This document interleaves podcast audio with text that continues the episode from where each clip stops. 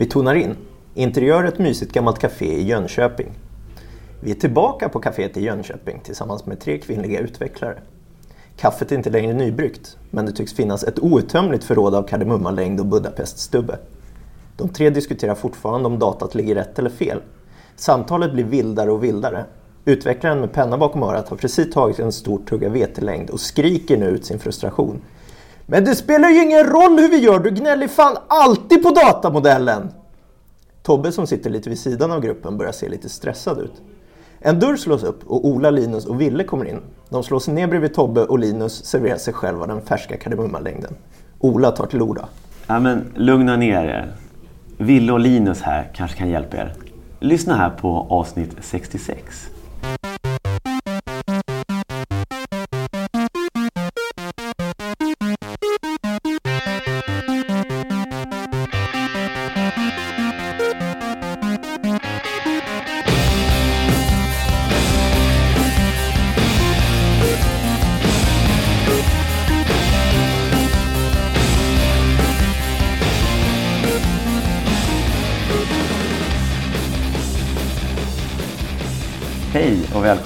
Till eh, Väg 74, en podcast om mjukvaruutveckling.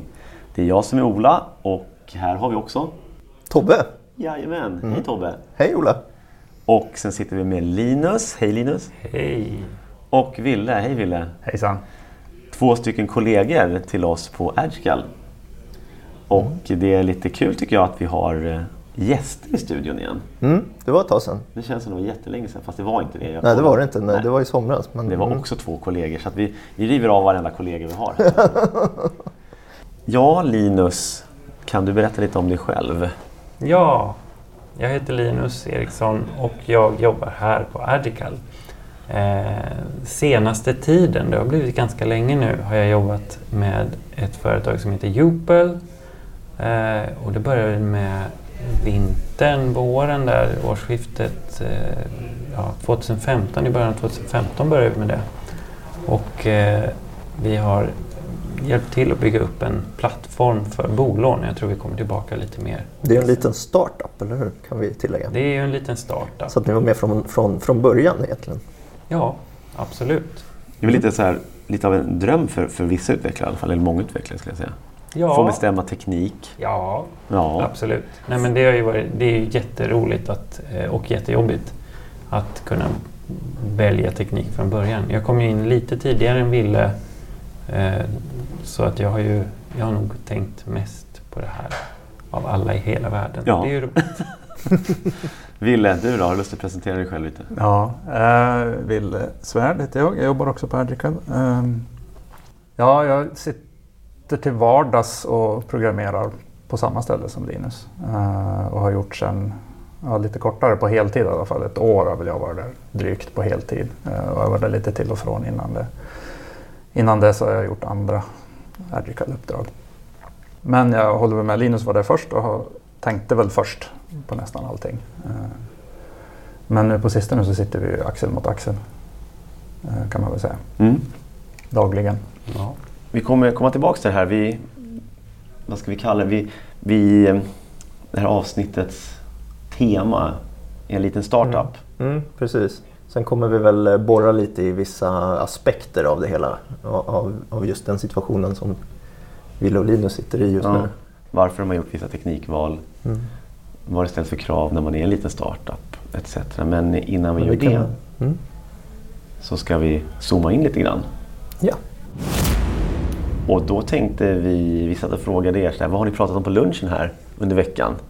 ja, just det. Och, och det var mycket och sen så helt plötsligt så poppar upp någonting som var så här, ganska tekniskt. Yes. HTTPS-certifikat. Yes. ja, det är ju en tråkig grej, men ganska viktig. Eh, det som, som jag i alla fall har ondgjort mig över, det började faktiskt för flera år sedan, men jag gick in på olika myndigheters sidor och man kollar så här, ja men de har en hemsida och den ser väl bra ut och de är ganska informativa och välbyggda så, lättanvända och så. Eh, Men så skriver man in https kolon www.regeringen.se eller säkerhetspolisen.se. Och i bästa fall så får man upp så här att det faktiskt inte går att använda. I värsta fall får man upp alltså att de har stängt av den möjligheten eller aldrig öppnat den möjligheten. Mm. Oftast för att sidan kanske är gammal. Men i en del fall så får man upp, ja, nej den här sidan är, har fel, den är felkonfigurerad eller de försöker stjäla dina kortuppgifter eller så. Det är inte riktigt vad man vill Beroende se. på vilken browser du har och vad den ger dig för varning. Ja. Men det är inte riktigt vad man vill se när man går in på ja, regeringskansliets hemsida till exempel. Nej, jag, jag levde ju länge under den här villfarelsen att jo men det är ju bara data så att säga. Jag ska inte skicka några kortuppgifter till regeringskansliet. Nej. Nej, men du vill ju kunna lita på att det är regeringskansliets Ja. information du läser. Det hade jag inte tänkt på först. Men så är det. Och du vill ju kunna lita på till exempel att det är Säkerhetspolisens data du läser när du vill läsa på om terrorlarm till exempel. Mm. Fast MSB hade va? Ja, på de flesta sidor. Men det var fortfarande lite fel. De har ju en sida som heter Just krisinformation.se. Och den kan man gå in på. Den har HTTPS. Ja, nu blir det roligt. Jag mejlar ju naturligtvis och frågar. Men har ni sett Mm. det här felet? Har ni, har ni, var, varför fixar ni det inte? Och då så kan man gå in på Ja, hur var det nu? Man går in på http krisinformation.se. Ja, då kommer man rätt.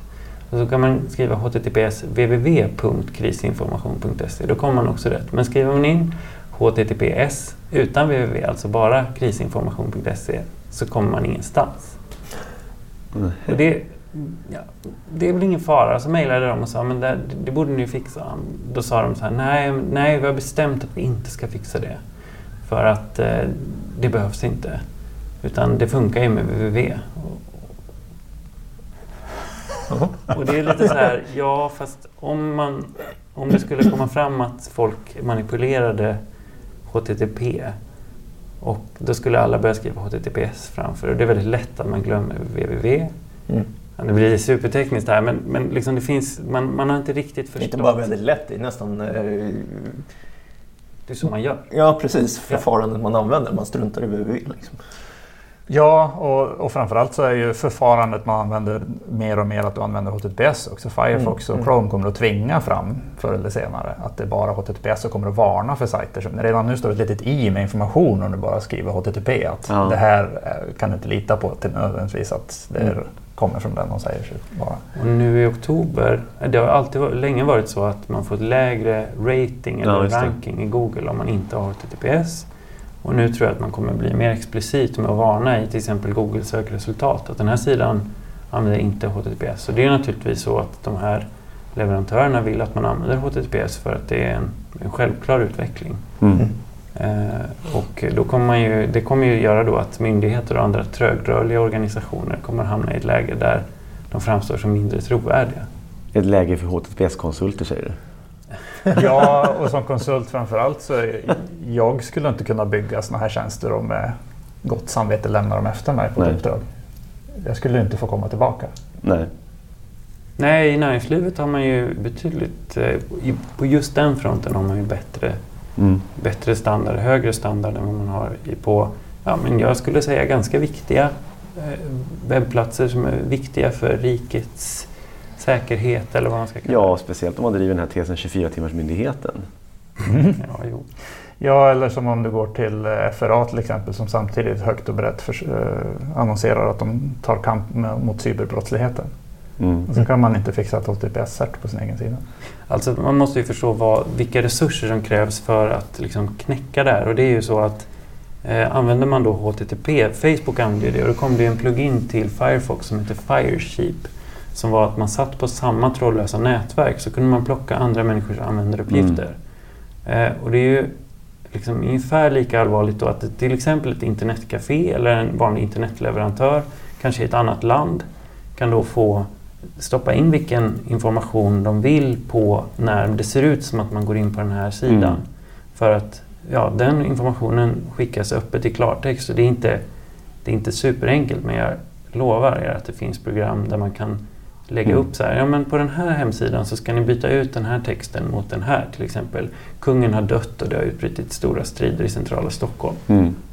Jo, men alltså det räcker med att en person skriver den här koden och sen kan, går det ju att liksom Ja, ja. pluginifiera på något sätt. Det pratar vi om på luncherna. Ja, ganska tekniskt. Kan Agicals hemsida hantera HTTPS nu? Ja, Ja. Kunde inte för ett tag sedan. Eh, och då var det många andra konsultbolag som skickade in hemlig, alltså lite falsifierad information märkte vi. Mm. Vi Ja, just det, det inga, kom massa falska nyheter. ja. Men vi nämner inga liksom vid namn. Ola har sparkat halva styrkan. Och alla, Halva resursstyrkan på Agile. ja, och andra halvan har fått sitt nya resursnamn. R1 till RX. Ja. Ja men jag tycker att vi tar och eh, kastar oss över huvudämnet. Mm.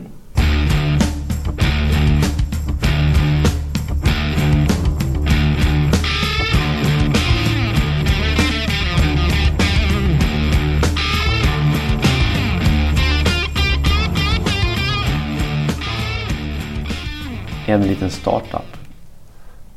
Kan vi em, beskriva lite grann hur affären ser ut så att säga? Ja. Eh, Jupel eh, är ju grundat av en, en kille som heter Divyesh Vitlani som har jobbat länge på Swedbank i 28 år, säger han att han har jobbat där. Och jag tror honom. Det är ganska länge. Det är jättelänge. Men eh, jag tror att det är ganska roligt att jobba på bank. Det finns många skojiga saker man kan göra där. Han har jobbat med analys av olika affärsmodeller då, internationellt och jobbat på en sån enhet som gör omvärldsbevakning. Och det han upptäckte då när han höll på med de sakerna det var att eh, det är svårt för unga människor att köpa sin första bostad. Eh, och det är inte bara han som upptäckte det, det pratar ju alla om i Stockholm vid något tillfälle i sitt liv ganska mycket med alla man träffar. Mm. Ehm, så att, men det som, som var liksom extra konstigt så, det är ju att i Stockholm till exempel så sticker ju priserna iväg. Man måste ha väldigt mycket kapital för att köpa sin första lägenhet, alltså handpenning. Mm. Eh, 15 procent, eller man måste ha sin egen kontantinsats helt enkelt, 15 procent. Eh, vilket ju blir väldigt stora summor som tar väldigt lång tid att spara ihop till. Och med, så som bostadsmarknaden utvecklade sig under en period så var det omöjligt att hinna spara ihop till det. För när man liksom hade sparat ihop till det målet som behövs nu så hade det priset behövde man mer. Mm, ja, så att man liksom var, var fångad i en, i en... Så man var fångad i ett eh, läge där man aldrig skulle kunna köpa en lägenhet och då istället hänvisad till att hyra ganska dyrt i andra hand. Eh, utan att kunna lägga undan pengar då för att man betalar så hög hyra. Så då kom Diviers på ett, en typ av lån där man då skulle kunna crowdfunda sin kontantinsats. För det är ofta så att familjen till exempel, mamma och pappa eller vänner eller syskon lånar ut pengar till den som ska köpa sin bostad. Och det sker ju redan idag Mm. men kanske med lite dåliga villkor för utlånaren oftast. Att den som lånar pengar då tänker att ja men det är ju snällt men nu ska jag ju gå vidare till nästa bostad och eh, då behöver jag ju alla pengar igen. Mm. Så står man där och kan inte få tillbaka sina pengar och man får egentligen som utlånare får man inte särskilt bra villkor. Och det är ju okej för en del familjer och en del föräldrar att göra det för att man har, har det så gott ställt att man kan låna ut pengar eh, ändå. Men för de som inte tjänar så bra, kanske man inte har superrika föräldrar som kan låna ut flera hundratusen, så är man ju då fortfarande hänvisad till att hyra dyrt i andra hand. Ja. Så då har, eh, finns det då Jupelånet och tanken med det är att man kan låna då, eh, man kan ju ta 85% i bottenlån från till exempel SBAB eller någon av de stora bankerna. Eh, och sen så är ju tanken då att man ska lägga in 15% eget kapital. Men i praktiken så är det många som redan idag lånar då ett topplån med ganska hög ränta eh, som man då ska betala av ganska fort för att få komma ner i räntekostnad. Mm. Och då är tanken med det här Jopelånet då att man tar ett lån som har en ändå förhållandevis låg ränta om man jämför med de här blankolånen som då topplånet är.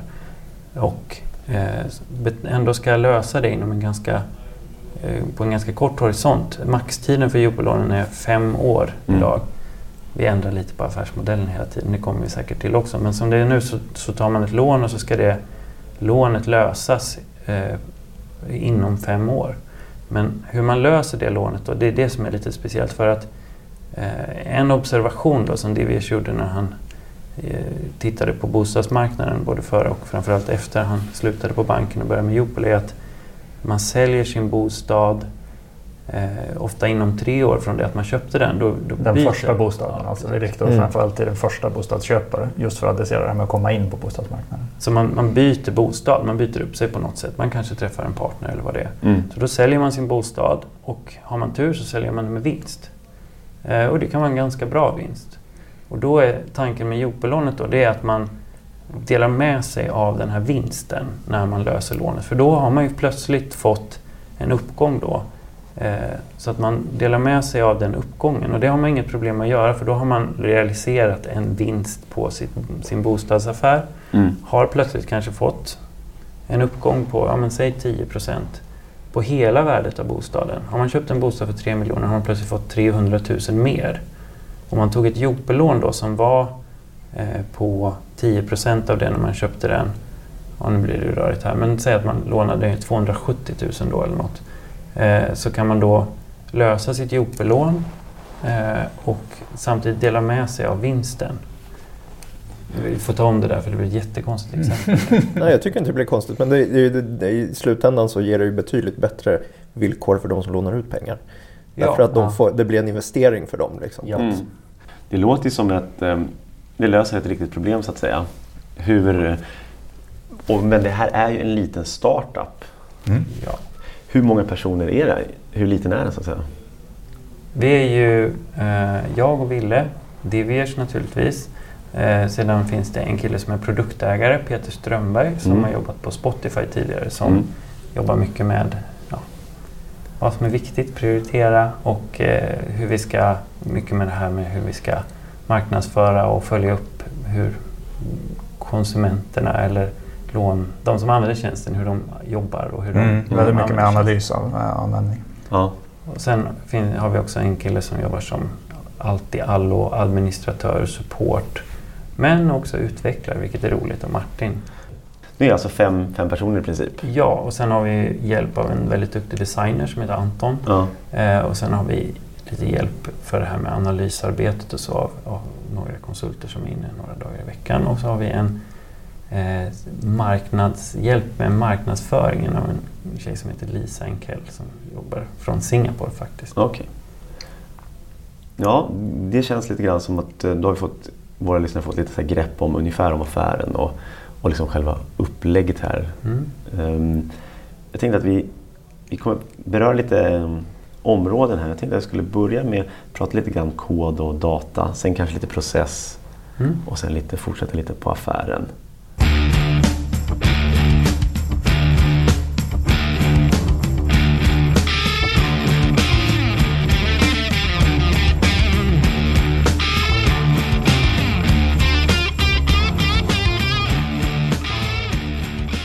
Hur, hur ser det ut rent tekniskt? Rent tekniskt så har vi det allra, allra mesta på Amazon. Eh, vi använder eh, olika tjänster där. S3 naturligtvis för olika filuppladdningar. Eh, Dynamo använder vi som vår databas backend med Datomic. Vi kan komma mer till det men Datomic är gjort för att använda en annan databas som Backstore kallar de det för. Just det. Tekniskt. Mm. Och så använder vi lite köer och Mm. deras eh, maskiner då, EC2, deras eh, ja, Elastic Cloud Computing. Så vi kör våra servrar i deras moln kan man säga. Mm. Ehm, sen har vi lite brandväggar och sånt från Cloudflare. Ja, cache och CDN, CDN och mm, även DNS-tjänster. Just det. Var det någonsin något snack om att ha det här hemma hos? Nej. Jo, Nej, det var aldrig en snack om att vi skulle ha en egen serverhall eller egna Nej. maskiner i rack. Det hände aldrig. nej det är sant. Eh, men det som var en diskussion länge var ju om det var möjligt att bedriva den här typen av verksamhet i moln. Mhm. Och svaret på den frågan är väl att eh, fler och fler gör det. Och eh, det som vi har sett till det är att alla våra grejer ligger i, inom EU. Då. Det finns ju Okej. ett eh, Amazon i Frankfurt. Till och med det var ju en fråga i början.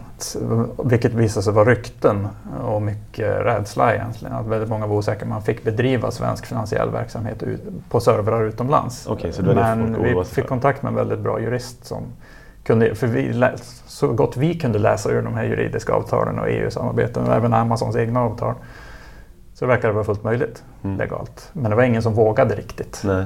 Eh, Men vi fick kontakt med en väldigt bra jurist som, där vi kunde reda ut att det borde vara tekniskt vara helt möjligt för oss att ha Mm. våra servrar ståendes i Frankfurt.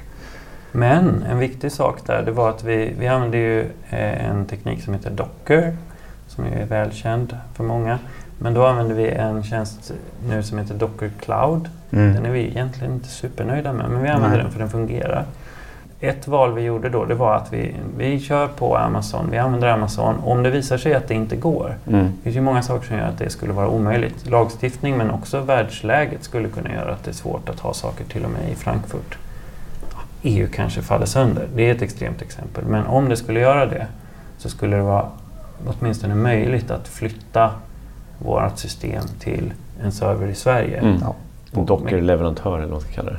Nej, en, det, det går att göra på vilket sätt som helst. Okej. Det beror ju lite på hur lång tid man tycker att det får ta och hur mycket jobb vi är beredda att lägga på att Mm. få den här servern att rulla. Men vi kan göra det med ganska kort varsel. Kan vi flytta allting till Sverige igen Mm. eh, om det skulle behövas. Och det kan vi göra när som helst. Så, att, så att det var väl vår liksom, väg att vi har den möjligheten att, åtminstone att flytta saker till Sverige. Och vi vet ju att det går eftersom att vi kör systemet lokalt på våra datorer i de här Docker-containrarna. Det. Mm. Så att, eh, det, det är väl den korta historien om eh, att lägga saker för, med finansiella tjänster i moln. Ja. Jag Mm. vet ju också att ni kör Clojure, Ja, Ja, all out så att säga. ja, ja. Hur resonerade ni då? ja. Både jag och Linus var väl clo- Clojure-frälsta redan innan vi började det här uppdraget. Men vi kände också att det är en så bra fit med ett så koncist språk framförallt som kan representera data så bra. Eh, Och sen också att man har ändå underliggande eh, JVM att luta sig på vad gäller eh, representation och effektivitet av data och så vidare. Mm.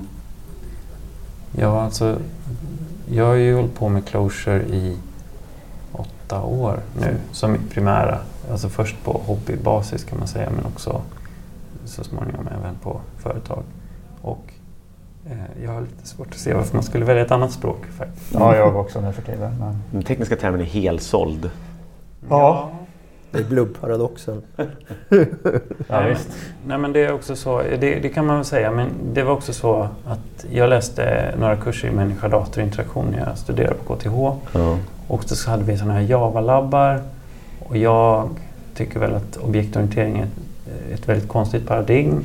Och det visar sig väldigt tydligt när man ska bygga det här liksom extra bra användargränssnittet. Mm. För då är det, och det tycker jag är en viktig grej, för det är ett praktiskt problem och då säger man så här, nej men om jag trycker på den här knappen så ska de här, alla de här sakerna hända. Ofta är det ju så att man ska trycka på en knapp och så ska hela systemet vända ut och in på sig själv och det ska hända massor med grejer. Mm. Och det är väldigt, väldigt svårt att bygga sådana saker som objektorienterade system. För att man drivs att lägga in data i små, små lådor här och där. Och sen när man ska göra en, någonting som gör någonting spännande med all den här datan så måste man skriva om hela systemet. Men går det sönder? Ja, då går det sönder. Man får leta i väldigt många lådor. Ja, nej, men det vet man ju. Då blir det väldigt bräcklig logik och så. så att jag började liksom leta efter, finns det något bättre sätt? För det, må, det menar man förstår ju, det är ju data. Det är lätt att beskriva i ord vad det är man vill ska hända när man trycker på den där knappen. Mm. Eh, och då började jag hitta Lisp och sen hittade jag Closure. Och Closure var ju inte alls så himla lätt att skriva fantastisk kod i från början eftersom att det är funktionellt. Eh, data muteras inte utan man måste byta hela tankesättet då. Eh, det jobbar med immutable, alltså datastrukturer som egentligen inte ändrar sig utan man gör en ny datastruktur. Det är inbyggt i språket så att det blir lätt att göra rätt men det är också väldigt svårt i början att förstå hur man ska Ja. strukturera problemet. Men Mm. nu tror jag att det är helt rätt sak att, att jobba på det sättet. Ja, sen dess har det fler och fler lurat över. Java har ju lagt till mer funktionell programmering och funderat på immutable strukturer. Fler och fler funktionella programmeringsspråk har ju ploppat upp under de här senaste 50 Ja. åren. Det är ju, för mig, jag tycker att det är enkelt att resonera kring saker som Ja. är oföränderliga. Ja, Du har en oföränderlig mängd data. Och om du ska förändra den, då blir det en ny mängd och det blir en, Mm. annan, en annan sak. concurrent modification exception. Ja, Händer inte på Love sätt. it! nej. Och då, då lär du dig så här, okej, så här kan du kringgå det i Java. Ja. Men sen så har det liksom, liksom om du tar tillvägagångssättet då, då att men, vi utgår från att ingenting går att liksom, förändra samtidigt som du jobbar med det. Jag tror det, jag funderar lite på det, eller jag tänker på det nu när vi sitter här då att vi har ju faktiskt extremt sällan några sådana race condition problem i den kod som körs i liksom datorn, eller det händer inte. Nej. Att vi, det, det är aldrig så att vi har trådkonflikter för Closure är byggt på ett sådant sätt att de problemen helt enkelt inte uppstår. Det, då har man gjort, använt språket på fel sätt. Ja. Själva grundkonstruktionerna i det är sådana att man ska tänka igenom hur ska jag komma från det här statet till ett nytt state och hur hanterar jag det Mm. nya statet. Mm. För mig så känns det då som att när du trycker på knappen så går det hela vägen ner så att säga, till någon form av, okej så spar vi ett nytt tillstånd. Ja, och, Och sen, sen går det nästa hela gång så börjar vägen vi på ett nytt fräscht tillstånd. Ja. Så det är liksom inte någon så här oformlig massa, och så rent sådär så abstrakt så tänker jag mig att det är. Utan det är bara, nej det är raka rör hela tiden. Väldigt mycket så. Det, väldigt mycket har vi ju, det är svårt att beskriva, men komma ur det här uh, if-else-träsket och snarare ha ganska, så långt vi någonsin kan dra det och försöka ha raka transformeringar av data liksom Mm. hela tiden. Den här eh, ser vi att då behöver det här läggas på. Nej, det behövdes inte göra den här gången, men det är fortfarande... Och Clojure har primitiver för det som är tacksamma att använda mellanåt också, men även, vi kommer till det sen, databasen vi jobbar med lite byggd på det viset också. Att hantera saker som kontinuerliga bara transformationer, vilket Mm. ju är en funktionell grundidé egentligen. Och det, det blir ju lätt att resonera kring det då. Mm. Och det leder i sin tur till en tajtare feedback loop. Ja, kan göra. Eh, om man har eh, någonting i stil med till exempel det vi har eh, för Clojure. då, Att, ehm, eller jag, jag skulle säga direkt gör det det i och med att jag alltid kan provköra saker. Mm, mm. Jag förstör dem inte genom att testa dem. Nej. Absolut. Och det vet jag är någonting också som ni ägnar er åt mycket som någonting som brukar kallas för så här REPL-drivet eller att ni sitter in i en REPL. Mm. För folk som inte vet vad en REPL är så kan ni ju berätta det. Ja, Det är ju en grej som, som finns i, ja men alltså en, en vanlig kommandoprompt är ju på något sätt en REPL. Man kan gå in där och skriva cd-code eller vad man skriver, alltså by- byt katalog till code och så. Eh, men hur som helst, i de här lisparna och då i Closure också finns det en REPL och där kan man göra allting som man gör i en vanlig källkodsfil. En vanlig källkodsfil är egentligen ett antal kommandon som körs. Så när man, när man sparar en sån källkodsfil och sen laddar den så kan man tänka sig det som att det alla de kommandona skrivs in i en REPL och sen så lämnar systemet över till den här REPeln som man kan gå in och jobba i. Och på det sättet, till skillnad då från till exempel Java där man gör en klassdefinition metoderna kommer i vilken ordning som helst så är det så att i Lisp så måste man på något sätt ha sagt vad som Mm. ska finnas tidigare. Så att om man använder en variabel, en global variabel då, i ett visst namespace så måste man ha sagt att den finns före man börjar anropa den. För Mm. annars vet inte, vet inte språket vad man menar. Det känns ju rimligt på något sätt. Det är jätterimligt Ja. faktiskt. Och, och ni som inte vet vad REPL är så står det för Read Eval Print Loop. Precis. så man skriver något, språket eller interpretatorn som man kallar det, tolkar det, skriver tillbaka resultatet. Jag såg Mm. att Java 9 skulle få en liten REPL nu. Det har ju funnits en Java, Java Beans eller vad den heter. Men Mm. det skulle komma någon lite mera så. Och det, det är jättebra. Det är fantastiskt bra. Det är som att vara inne i en debugger hela tiden. Ja. Ja, med den förbättringen då, till exempel med mutable data så förstör man inte tillståndet i debuggen varje gång man gör någonting till exempel. Just det. Nej, jag, jag vet att det finns, det finns du får ju en överblick med, det- så här debug-programmering när du har debug-mode Mm. påslag. Du får ju en överblick över det du gör. Du ser ju liksom så här, okej så här är tillståndet nu. Det finns ju någonting väldigt attraktivt med det. Sen finns det någonting som, som det lämnar efter sig, debug-programmering i Java till exempel. ju- Då sitter du ju alltid på en breakpoint ofta. Ja. Eller så har du systemet körandes anonymt i bakgrunden. Det vi har är att det står en prompt och väntar på input. Mm. Vi skriver input, får ett svar Ja. och så är vi tillbaka på startläge igen. En annan del av det som jag tycker är viktigt det är att i Clojure dels så finns det bra litteraler. Precis som JavaScript har JSON så har Clojure då någonting som liknar JSON men är lite mer expressivt.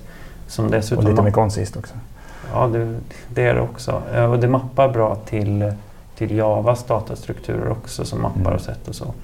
Eh, Och det gör att man... EDN heter det kan vi säga.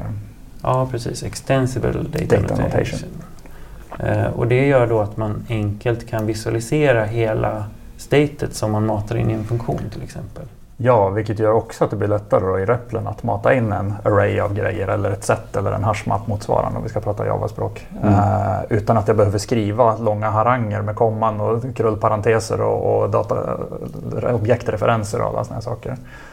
Och det tillsammans med att Lisp och Clojure då är gjort för att vara koncist i språket i sig gör att REPL-programmeringen blir väldigt effektiv på ett sätt som jag inte har varit med i något annat språk. Mm. Jag gillar till exempel Python hade en REPL som jag använde mycket innan också men den, nej, den fångar inte samma Mm.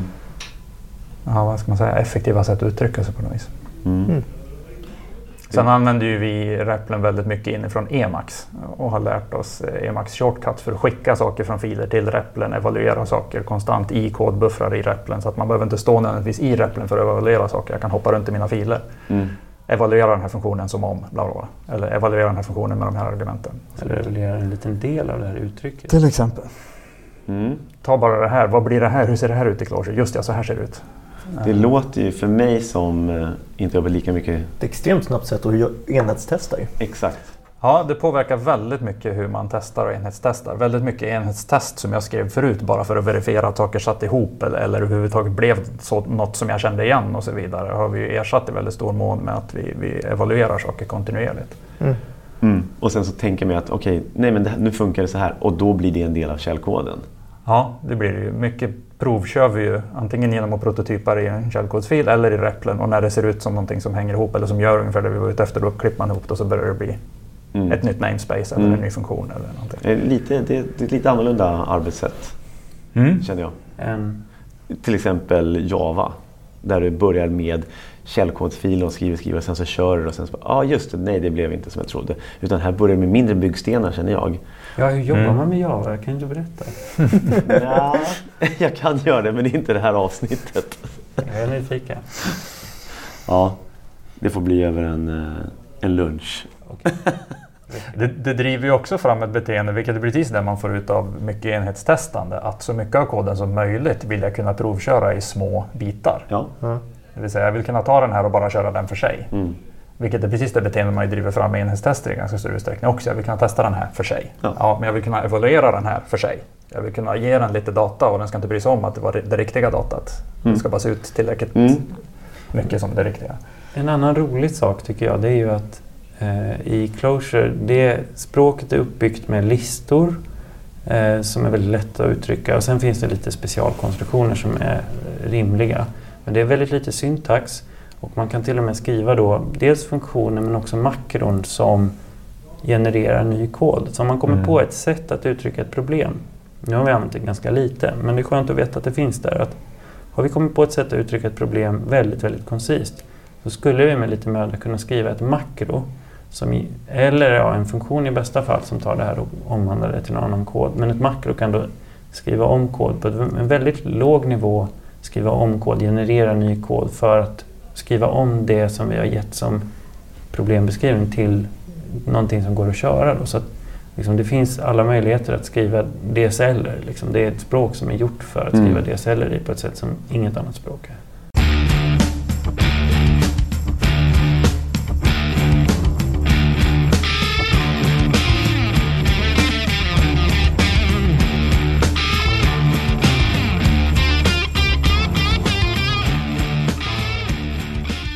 Anledningen till att ni valde Clojure, förutom att ni älskar språket, skulle också kunna vara att ni klarar er på mindre, färre programmerare.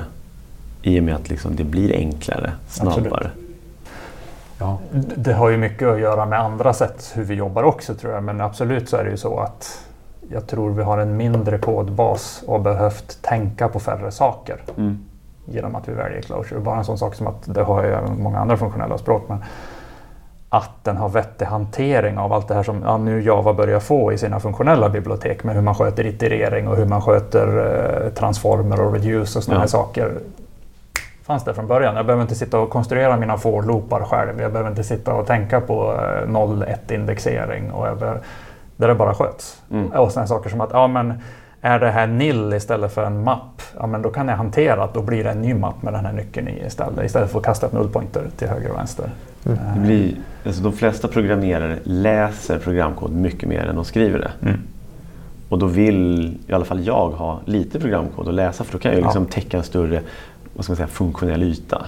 Det är ju en väldigt rolig grej i Closure för där tycker jag eh, om man ska, jag menar, I Closure kan man använda Java-bibliotek. det är väldigt enkelt. Mm. Det, syntaxen är liksom wrappad Java-syntax. Den är, den är ganska fiffig. Liksom.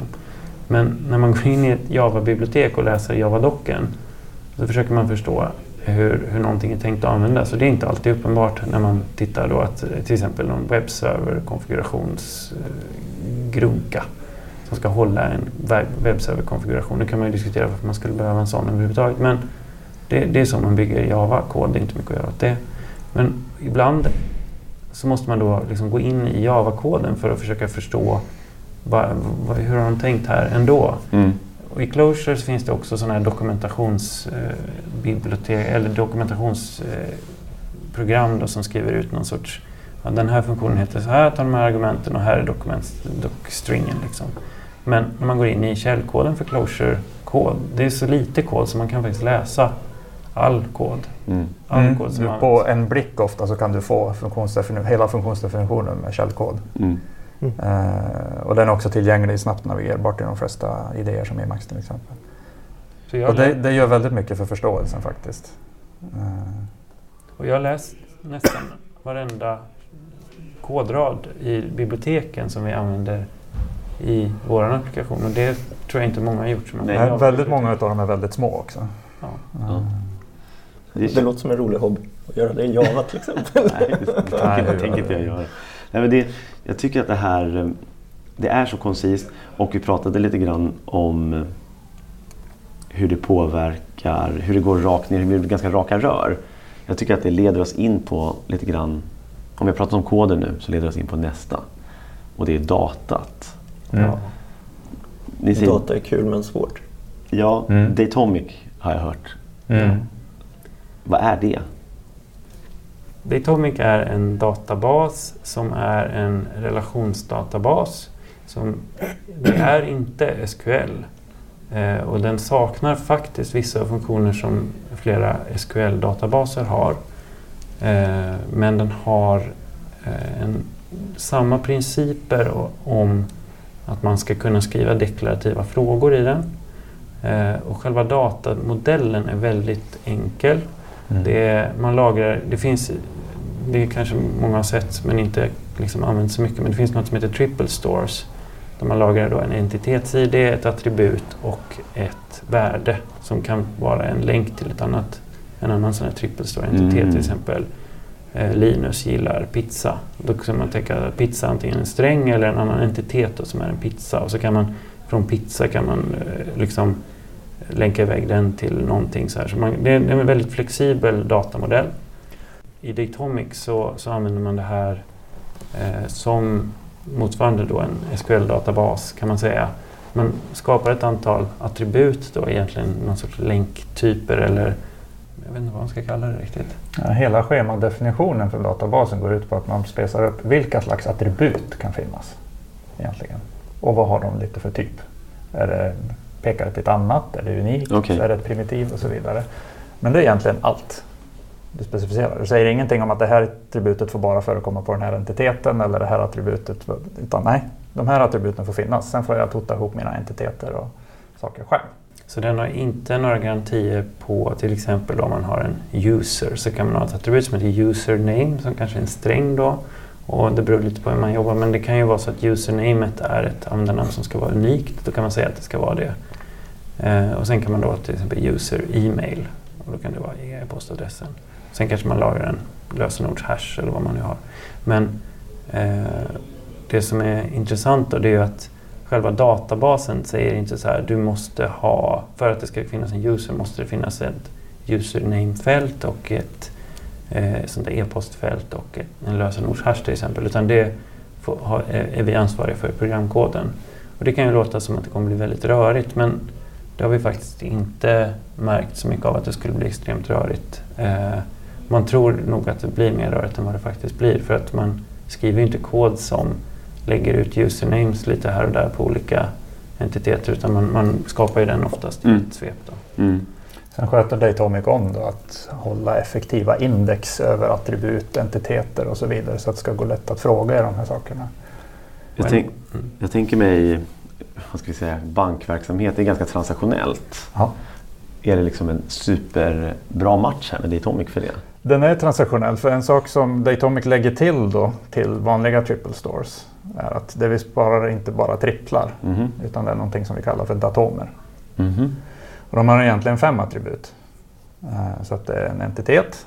eh, Och den- är intressant i sig. Och sen de här attributen som vi pratade om som kan ha olika typer. Värdet för det här attributet. Då. Sen så har den EAVT. Vilken transaktion Mhm. skrevs det här i? Och så det sista är, är det här ett tillägg eller är det ett borttagande av det här faktumet? Så att egentligen de här tupplarna som man kan kalla det då, är vad ska man säga, fakta som läggs till i en faktadatabas. Mm. Mm. Eh, Så att databasens nuvarande tillstånd är den senaste transaktionen av alla de här du ser av tupplar. Och är det ett borttagande av ett faktum, ja då finns inte det i databasen idag. Eh, Men, och det här är ytterligare en fantastisk grej med Datomic, då, att den behåller även alla de här transaktionerna som har hänt tidigare. Så ber jag den om det så kan jag få, okej, ge mig den här tuppen så som den såg ut för tre transaktioner sedan. Eller låter- den här transaktionen, eller den här transaktionen med den här tidstämpeln. Jag kommer att tänka på Git. Ja, det är väldigt mycket som Git. Även om du har en mer detaljerad kontroll i Datomic ska jag säga. Ja. Och väldigt stora delar av API, eller en del av API bygger just på möjligheten att kunna slå i databasen antingen så som den ser ut just nu eller slå i den så som den ser ut historiskt över hela historien. Det- ja, Och vi pratade tidigare om det här med oföränderlighet och im- immutabilitet. Eller Mm. immutable. Det verkar rimma väldigt väl med Exakt, den är precis så det är tänkt att funka. Så att jag ändrar inte i databasen. det. Ja. Aldrig. Nej. Du ändrar aldrig i historiken. Nej. Du lägger till ett nytt fakta. Ja. Mm. Det där är någonting som jag har börjat uppskatta väldigt mycket de senaste åren. Mm. Just när jag har Men det är ju helt galet just att liksom ha, som för en startup, att ha hela verksamhetens histori historia på något vis i Ja. databasen. Det är det vi har. Hur, ja, då kommer jag att tänka på backuper. Hur, hur gör ni med backuper? Det är väldigt bra med Datomic. Jag har använt SQL-databaser. Ja. Det ska jag berätta för er. Det är. Det är jag ung då. Så. Nej, eh, Datomic har, eh, man ska säga så här. Eh, Rich Hickey som har skrivit Closure, egentligen ligan för att kunna skriva Datomic, är ganska konservativ av sig. Eh, vilket är bra, väldigt skönt. Vi kan uppgradera Closure-versioner nästan utan några bekymmer alls. Men eh, en sak som är, som är helt fantastisk då med Datomic, som förvisso är liksom inte öppen källkod, men det är att de har gjort klart alla de här grejerna som man själv har problem med, till exempel backup och restore. Mm. Eh, Datomic är ju speciellt på det sättet man kan använda ja, Dynamo på Amazon. Det var egentligen liksom det huvudsakliga användningsområdet från början. Det var, det var liksom det backstoryt man siktade på när man byggde den. Eh, men man kan även då använda SQL-databaser och så. Och då kan man ju tänka sig att eh, som en backstory blir en key value store. Eh, och då kan man använda Postgres eller MySQL eller även Oracle och så. spelar ingen roll. Eh, men då finns det då ett backup-skript och ett restore-skript som då tar eh, man ger den en, en länk då som beskriver vilket backstore man ska använda. Eh, och sen så då, ja, det som backuppar då, det, det läser av det där storet och skriver ner det till en fil. Och sen kan man välja att den ska hamna på ens lokala dator eller på en S3, i en S3-hink då. Mm. Eh, och sen när man ska Mm. restora, mm, då kör man ett restore-skript och då säger man jag vill att den här backupen som antingen en fil eller en S3-bucket eh, ska läggas i det här backstoret. Och då är det de här väsentligen tupplarna eh, vi pratar om igen. Då. Mm. Och jag kan även göra sådana saker som backa upp till och med eller från ett visst eh, timestamp till exempel. Och sen är det I klart. enlighet med de här transaktionerna. Det är det. Det är magi. Vi gör det, eh, ja det funkar faktiskt förvånansvärt bra.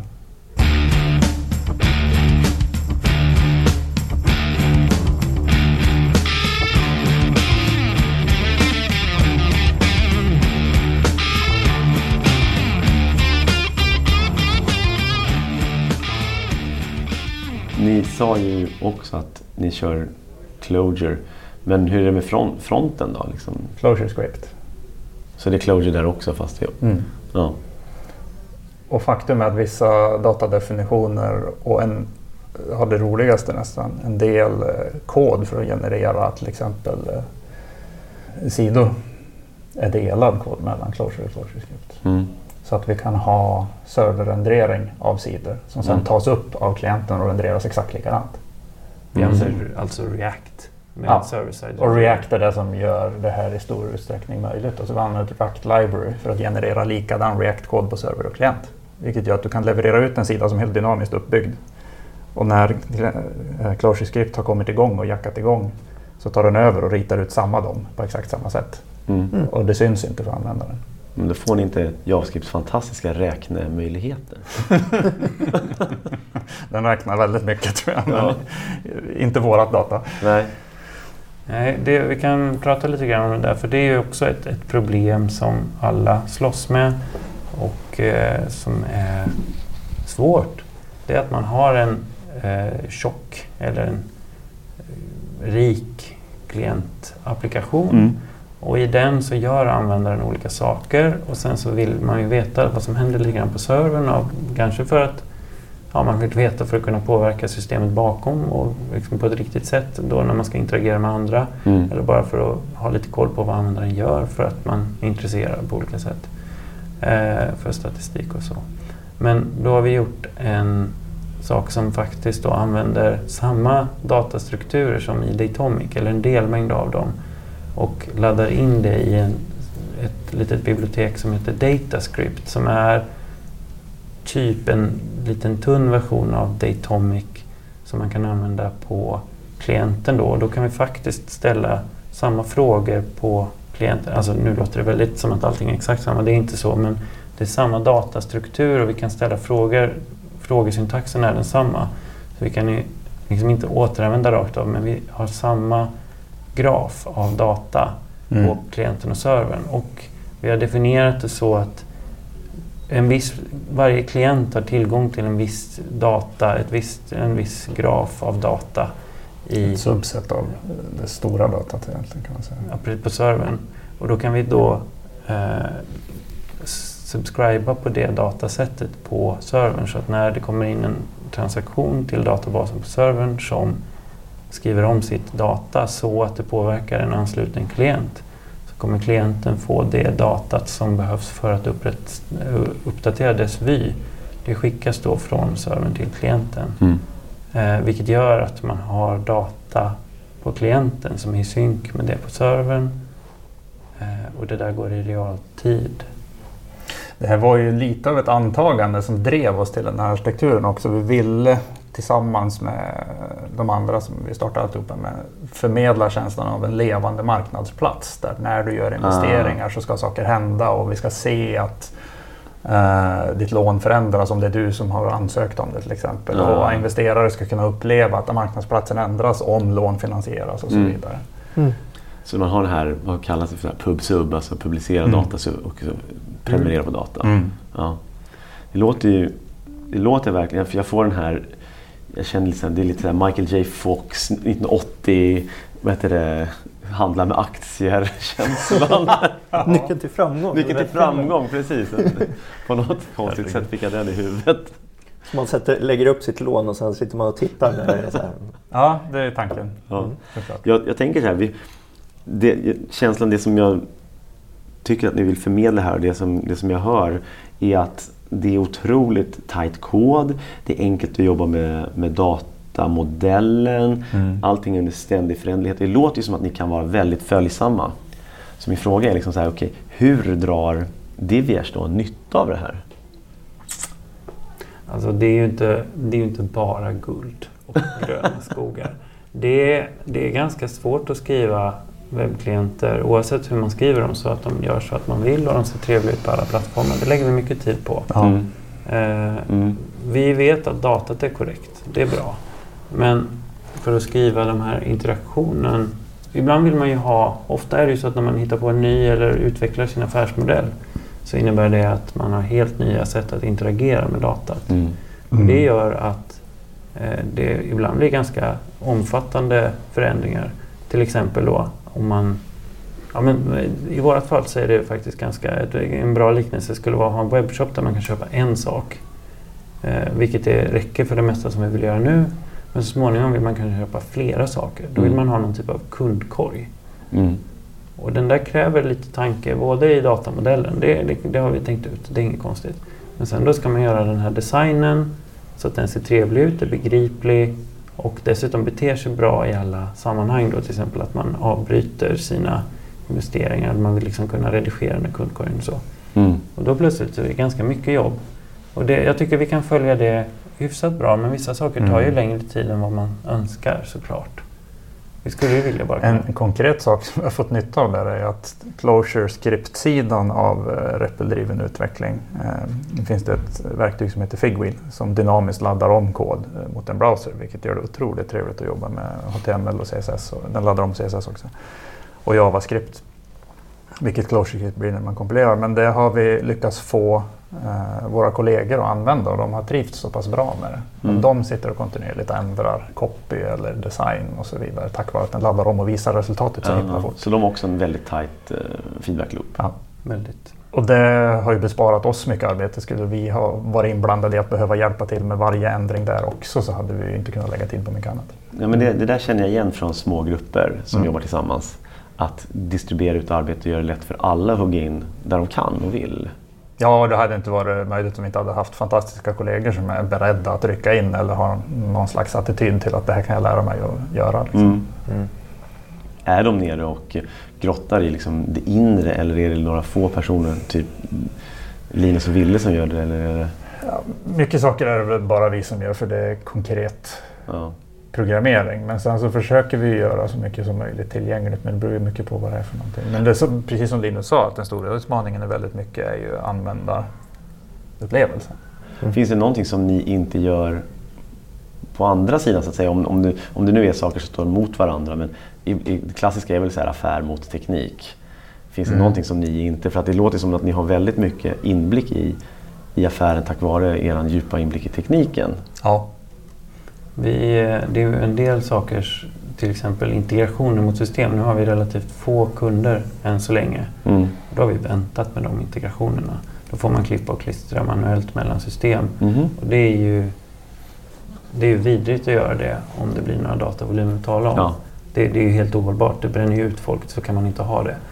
Eh, det har ju hänt alla Ja. företag som har någon typ av dåliga integrationer. Men just nu så har det varit till stor hjälp just för att vi lär oss när vi gör de här sakerna. Det rör sig så mycket. Så att säga. ja, och vissa har vi till och med kunnat slippa tror jag.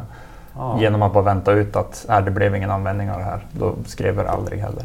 Vilket ju var en besparing. Ja, verkligen. Det brukar jag säga. Den, absolut, min absoluta favoritkod är den som liksom aldrig skrivs Mm. egentligen. Som går att lösa på något annat sätt. Men det är väl någonting som vi, vi jobbar med och kanske vi skulle kunna vara ännu bättre på. Det är ju att eh, snabbare, ännu snabbare få upp nya prototyper av saker som verkligen Mm. inte gör något. Du pratade ju någon gång om att det är tomtar och troll Ja, bakom. Eller indisk bankomat kan man också kalla det. Någon, Ja. någon stoppar in ett kort och sen så ramlar ut pengar men det sitter en person där bakom Ja, och där. Och det är ju... ehm, om vi skulle vara ännu bättre på det skulle vi kunna vara ännu snabbare. mm. Och det, men det, och det, det kan vi bli. I viss mån, för sånt som låter sig prototypas lokalt, så hjälper ju den här REPL-drivna utvecklingen och Figwheel och så vidare till att göra det. Det går lätt att visa en Ja. ändring på en sida eller ändra en layout eller informationsfält och så bara visa hur det ser ut. Eh, Så att det hjälper oss att prototypa ganska snabbt på det viset. Men det finns ju olika nivåer av prototyper kan man väl säga. Mm. Hur, hur live de ska vara. Mm, ja, det, precis. Det finns ju kodprototyper, det finns papper och penna, det finns ju Ja. liksom det här som vi pratar om, tomtar och troll. Och så här. Att någon människa gör det här, vad, hur skulle det ske då? Så här? Och kan, hur länge kan vi göra det? För att, och inte En hel del admin backoffice-rutiner har vi gjort så att vi har byggt upp successivt. Det Mm. började kanske som någonting som vi skötte manuellt eh, och mot databasen och sen så la vi till en semiautomatisk behandling av det och sen så la vi till ett eh, admin-verktyg för det. Och sen Mm. har vi förfinat det.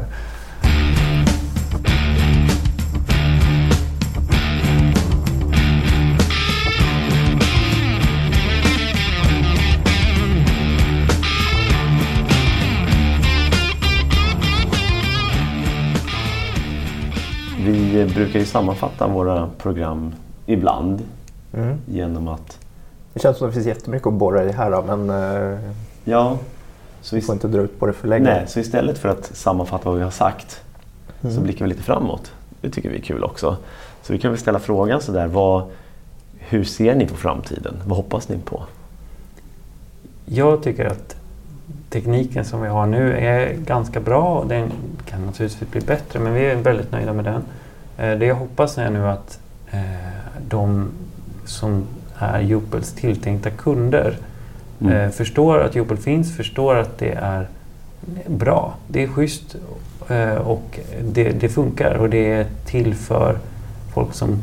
Men jag tror att många tror att, det är, att ens, bostad, ens egen bostad är alldeles för långt bort. Mm. Och jag hoppas att Jopel rör sig ännu mer mot att vi kan fixa fler aspekter av det. Att jag behöver faktiskt bo någonstans. Jag är beredd att betala varje månad för att bo någonstans, men jag vill bo någonstans. Ja. Ja, vi kan, det, har vi inte pratat så mycket om, men ni har ju egentligen två kunder också, eller flera kunder. ni precis. har ju dels de som vill låna pengar, men ni har också de som vill investera i pengar. Exakt. För det är en ju en väldigt schysst produkt för det också. Liksom. Ja, jag tycker Ja, det. Det, finns, ett, finns ett, ömsesidigt, ett ömsesidigt utbyte. Mm. Och det, det ska man väl säga då att, att äga fastigheter i Stockholm till exempel och, ha, och äga dem under några decennier är extremt, extremt Ja, det vet bra. man ju. Det, det, det är de som blir rika. Liksom. De, de som de som rika. äger fastigheter idag. Och här har man liksom möjlighet att äga en del av en fastighet. Vilket är ganska... Ja, en del av en bostadsrätt Mm. men, eh, just nu. Men visst, och det är ju det som jag tycker är intressant. Att det här är en demokratisering faktiskt. Även om jag kanske tycker det ordet är lite olyckligt. Men att man faktiskt får en bredare spridning på det här och att det blir mer... Alltså det är ju så att vi vill inte att folk ska betala och utlösa mängder pengar för sitt boende. Liksom. Nej. Nej, men just det där att hur ofta kan du investera i bostadsmarknaden utan att köpa en lägenhet själv? Nej. Mm. Men det här kan du göra det med en liten summa pengar. Mm. Så vad, hur, vad hoppas du på eller hur blickar du framåt, Ville? Jag hoppas på att det här sättet vi jobbar på ska, ska visa sig vara Alltså inte bara hur vi tekniskt jobbar tillsammans utan även hur vi tänker på till exempel databaser och, och relationer och, och historik till exempel i en finans- finansiell eh, eh, applikation. Mm. Ska bli något som in, inte nödvändigtvis får uppmärksamhet men där man kan lära sig att det här är ett bra sätt att jobba. Vi har ändå fått konkret hjälp av verktygen vi har valt för att till exempel hantera Finansinspektionen och, och vara säkra på att vi har en historik till exempel över Mm. transaktioner och att transaktionellt så hänger allting ihop och så vidare. Mm. Eh, Och att säga att det dels kommer mer men även ifall någon är intresserad att vi skulle kunna, Mm. jag vet inte, att det här låter sig bevisas att det håller. Mm. Mm. tycker det låter som några härliga, härliga förhoppningar. Och eh, tackar så mycket för att ni ville komma. Tack så mycket Linus. Tack så mycket. Tack så mycket Ville. Tack. Så Mm. Så avslutar vi väl med de orden. Ska vi ta lite kontaktuppgifter som vanligt? ja. Man kan ju få kontakt med podden på Twitter framförallt. Mm. Att Vagandeskog74. Du finns på ett Elnestam, jag finns på ett Tobbe Anderberg. Och så har vi mejladressen podd.agical.se. Ville och Linus om de vill ta kontakt med er. Och, Ja, man kan ju prova Twitter, snabel Linus Eriksson, C2S som telefonen stavar mitt efternamn. Och jag finns också på Twitter. Eh, snabel av Ville SV, enkel V. mm. ja, då tackar vi så mycket för den här gången så hörs vi om två veckor. Mm. Tack så mycket. Hej då! Hej då! Hej hej. Hej då!